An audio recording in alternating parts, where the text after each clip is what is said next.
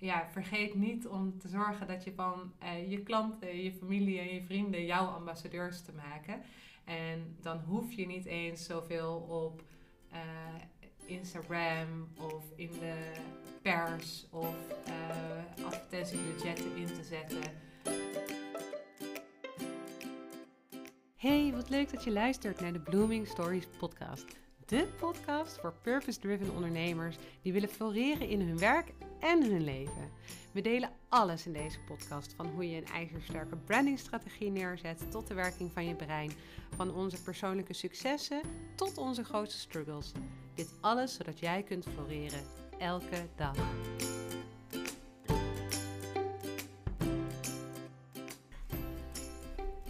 Welkom bij weer een aflevering van de Blooming Stories podcast. In deze aflevering staan wij stil bij stap 7 van de Flamingo Way. En als je ons een beetje hebt gevolgd, dan weet je dat dit ook de laatste stap is van de Flamingo Way. Um, dat betekent niet dat dit ook het einde is van de Blooming Stories podcast, maar misschien is dit eerder juist het begin. Uh, we wilden in deze podcast heel graag uh, de zeven stappen van de Flamingo Way goed uitleggen, zodat iedereen die luistert weet wat de basis is van waarmee we werken, waarvoor wij staan. Uh, plus, het kan natuurlijk meteen heel veel betekenen voor jouw business. En ik ben heel erg benieuwd of het al wat uh, heeft uh, veranderd in hoe jij naar je eigen bedrijf bent gaan kijken. Maar het is ook ehm, de start van, ja, van weer een nieuwe fase in deze podcast. Want hierna zullen we nou ja, blijven delen. Delen over onze ondernemersreis. maar ook over een stuk persoonlijke ontwikkeling. mooie merken en hopen we ook andere ondernemers aan het woord te kunnen laten in onze podcastafleveringen. Um, maar daarover hoor je later meer. Nu eerst over naar uh, de laatste stap van de Flamingo Way. Yes, de laatste stap inderdaad, stap 7. Uh, en die heet social. En dat gaat dus niet per se over social media, want dat is wel de verwachting die uh, vaak mensen hebben. Social media is er overigens wel een onderdeel van, maar het is niet het enige. Want um, communicatie gaat veel breder dan dat. En dat is eigenlijk waar de stap over gaat. En communicatie uh, past bij de flamingo, omdat uh, een flamingo eigenlijk een heel sociaal dier is. Ze leven soms in uh, troepen of groepen. Nee, je noemt het anders bij een flamingo. Moet ik even opzoeken, ben ik even kwijt nu. de vlok, hè. Ehm, van wel meer dan een miljoen flamingo's. Dus ze moeten behoorlijk goed met elkaar kunnen afstemmen. Ehm, hoe ze, nou ja, waar ze gaan zitten, et cetera, et cetera. En de vraag daarbij is dus vanuit die flamingo van nou, hoe sociaal ben jij al? Of hoe zichtbaar ben jij al? Kan ik hem ook doorvertalen. Um, en dat gaat over een stukje. Um, het gaat over nou ja, twee basisdingen, om het zo maar zeggen. Hier komt ook weer, net als in stap 5, uh, komt heel sterk dat brainwork stuk ook naar voren. Want het gaat over een stukje van hoe zichtbaar durf je te zijn. En daarnaast de vraag met in welke kanalen wil je zichtbaar zijn? Um, of is het goed om zichtbaar te zijn vanwege de doelgroep die bij jou, uh, jouw persona die bij jou hoort? En uh, welke boodschap wil je daarin gaan overbrengen? Maar het gaat in eerste eh, instantie, uh, of, of veel struggles die daar naar boven komen, zijn van ja, ehm, maar ik ga geen video van mezelf maken. dat vindt niemand interessant. En uh, nou, Iris, jij hebt daar ook wel veel uh, uh, mee gesproken bij, de, eh, nou, bij, sowieso bij de ondernemers in gebrand. Maar ik denk ook al wel eerder dat dat een moeilijk ding is, toch? Bij mensen als ze het zichtbaar, het podium durven pakken, zeg maar. Ja, ik denk dat het voor heel veel mensen echt een super grote uitdaging is. Omdat hoe zichtbaarder je bent, ehm, hoe kwetsbaarder je eigenlijk ook bent. Eh, omdat mensen dan toch een mening kunnen vormen over jou. En uh, wat je ziet is dat uh, ja, toch heel veel mensen daar een bepaald beeld van hebben uh, gevormd.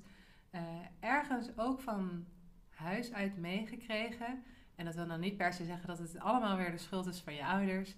Maar veel van ons zijn wel opgegroeid met boodschappen als dat je je kop niet boven het maaiveld moet uitsteken Uh, hoge bomen vangen veel wind. Uh, hè, dus dat je eigenlijk um, niet te veel die spotlight moet pakken. Dat het eigenlijk ook een soort van uh, ja, niet past bij de bescheidenheid. Of misschien wel ja, ook zelfs het Calvinistische inslag van de gemiddelde Nederlander. En dat wanneer je gaat ondernemen en je dus ja, jouw product of dienst de wereld in wil brengen, dat het meteen ook gepaard gaat met dat je jezelf moet laten zien. En ja, dat, dat uh, vergt dus echt heel wat werk voor veel mensen om dan te denken: ja, ik ben daar echt oké mee. Ik ben oké om die flamingo te zijn in die flock of pigeons om te laten zien wat ik allemaal in huis heb. Ja, bij ons thuis was het doe maar gewoon, dan doe je al gek genoeg. En uh, dat was echt uh, in onze familie ook iets wat veel terugkwam. Dus ik, ik herken die zelf ook heel erg. En um, ook de behoefte om um, juist wel mijn kop boven het maaiveld uit te steken. Omdat ik um, niet zozeer omdat ik heel graag in die spotlight wil staan, maar vooral omdat ik uh, het zo belangrijk vind om die purpose, omdat die dus ook al op zo'n jonge leeftijd voor, nou ja, eh, bij mij is mijn purpose op hele jonge leeftijd ontstaan eigenlijk. Uh, of nou ja, hij is er misschien altijd al, maar ben ik me er bewust van geworden, laat ik het zo zeggen. Um, dat ik um, ja, daar, daar dus een aantal dingen voor heb gedaan om me daar overheen te zetten. Nog meer, want je gaat zichtbaar zijn, gaan iets vinden van hetgeen wat je doet of van dat je zo zichtbaar bent.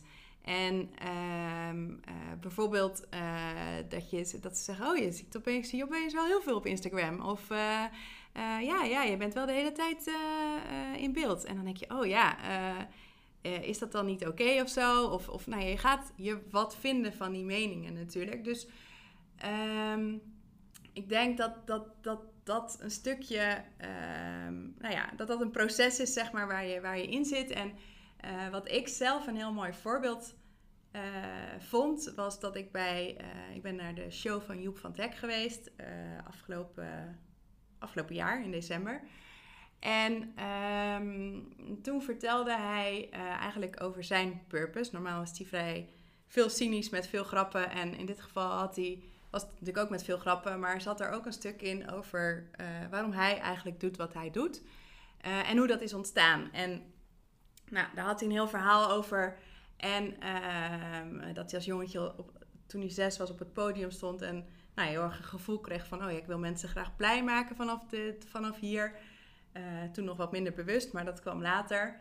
En op zijn zestiende had hij dus eigenlijk echt al bedacht van... nou, ik wil gewoon cabaretier worden. Dat lijkt me gewoon geweldig. En ik ga dat doen. Dus hij is naar zijn vader toe gegaan. Voor, hij komt uit het Gooi.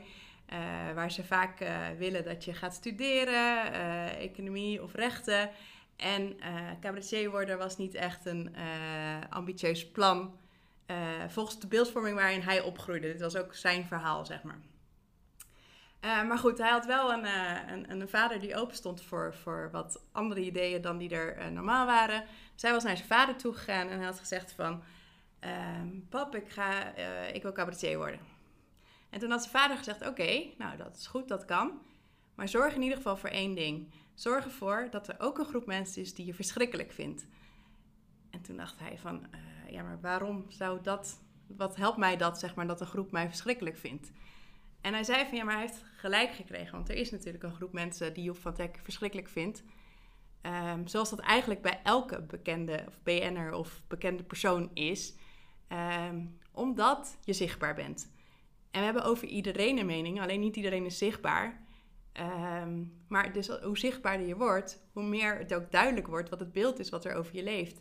En dat is super eng, want dat willen we helemaal niet weten eigenlijk. We willen helemaal niet weten wat iemand uh, voor negatieve gedachten heeft bij jou als persoon. Het is de enige manier om ook zichtbaar en dus daarin uh, te groeien, zeg maar, te kunnen zijn. Want je hebt dat gewoon nodig om uh, je onderneming te laten groeien. Dus dat zichtbaarheidsstuk is super belangrijk. Maar betekent ook dat het duidelijker wordt wat mensen van je vinden. Ja, en dit is dan het hele stuk over, uh, nou ja, de, gewoon de, het, het, enge gedeelte van het zichtbaar zijn. Hè? Dus dat het uh, voor heel veel mensen best wel een stap is om jezelf te laten zien. Ja. En ehm, nou ja, daarbij is het natuurlijk heel erg belangrijk om te onderzoeken welke kanalen zijn daarvoor belangrijk. Nou ja, wij zijn eh, op dit moment een podcast aan het uh, opnemen, omdat wij weten dat onze doelgroep graag naar podcasts luistert. En wij dit een heel leuke manier vinden om uh, onze boodschap over te brengen. maar er zijn natuurlijk heel veel verschillende kanalen. Dus dan, als je dan eenmaal zeg maar, met de angst onder je arm zichtbaar durft te zijn, zorg dan dat je op de juiste kanalen zichtbaar bent. En dan is het weer zo'n mooie stap terug naar het werk wat je hiervoor hebt gedaan. Om te kijken, hey, die persona die ik heb omschreven, op welke kanalen uh, zitten die? En wij hebben, nou ja, misschien heb je dit eerder al gehoord, maar wij hebben dus twee personen. We hebben Pieter en we hebben Nicolien. En Nicolien die zit vooral op uh, Instagram, dus dat is echt een manier om haar te bereiken. Daarnaast luistert ze heel graag naar podcasts die gaan over business en persoonlijke ontwikkeling. Uh, en ze leest graag tijdschriften uh, die ook op diezelfde punten aanhaken. Dus denk aan een happiness, de NC magazine en ehm, psychologie magazine. En Terwijl Pieter, eh, die heeft in ons geval een wat meer corporate achtergrond, nog steeds heel goed te bereiken is via LinkedIn en een klein beetje op Instagram.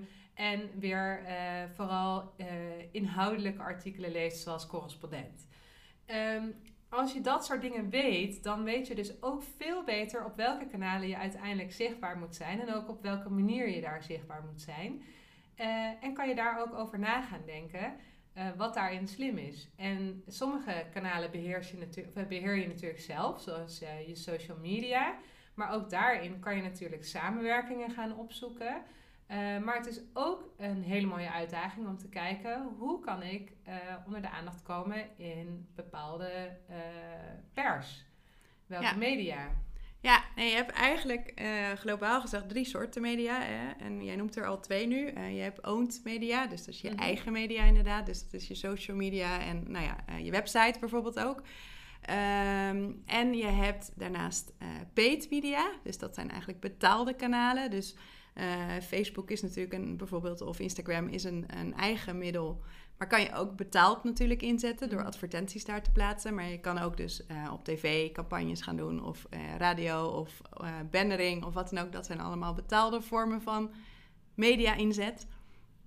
En de laatste is um, Earned Earned, ja. ik zag je zat, naar het ja. woord. Van, ah. Ik zat met owned nog steeds in mijn hoofd. Ik dacht, nee, dat is niet de goede vertaling. uh, earned media, inderdaad. Uh, en dat is dus inderdaad, uh, nou ja, PR-matige media. Die PR kan je overigens ook betaald kopen, maar dat zou ik niet zozeer aanraden. Want daar wordt het een stuk minder geloofwaardig en authentiek van. Um, maar door inderdaad, um, nou ja, echt onderwerpen uh, rondom hetgeen waar jij je mee bezighoudt, om daar uh, ofwel over te schrijven, ofwel daar media dus over aan te schrijven, dat je daar graag iets over wil doen.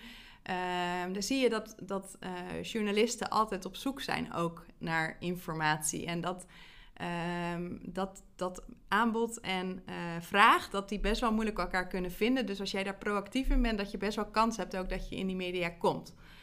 Um, nou ja, het is misschien wel leuk uh, om inderdaad een heel klein uitstapje hierin te maken. Dat in de november-editie van uh, Psychologie Magazine verschijnt inderdaad een artikel. Uh, waarbij ik als coach in de spotlight sta met een casus van mij. En hoe ik daarin terecht ben gekomen is door simpelweg gewoon te kijken wie is de journalist die dit artikel heeft geschreven.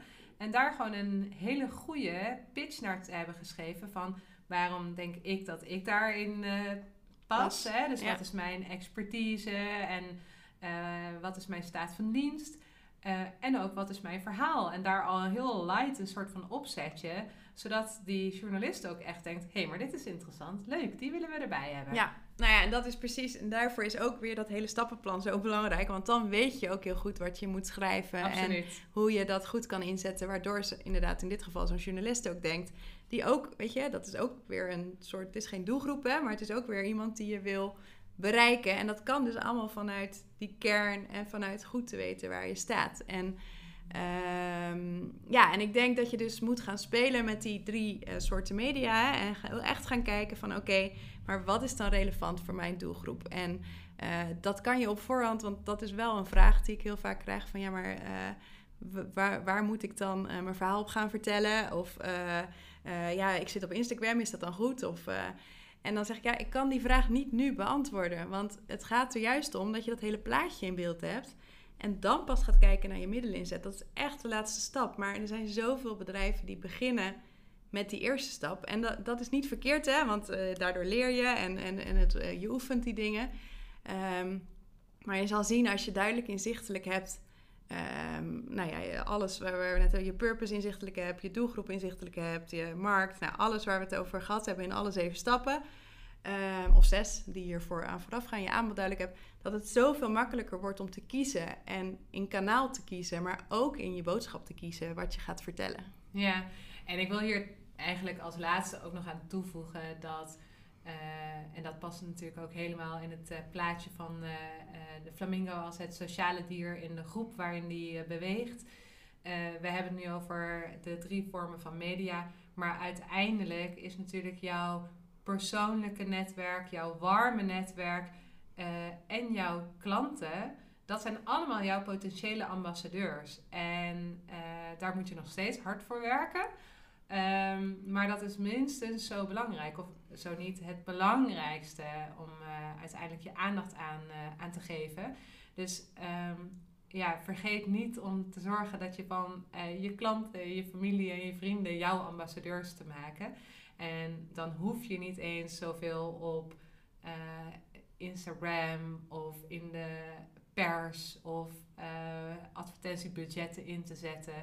Uh, om wel nog steeds jouw product of dienst onder de aandacht te krijgen. Nee, waar ik, wat ik het lastigst vind altijd aan nou ja, business coach training en zo, dat geldt echt niet voor allemaal, hè, maar voor een aantal, is dat er een bepaalde formule is die dan zegt van oké, maar dan moet je het zo doen en deze media moet je inzetten en dan word je sowieso succesvol.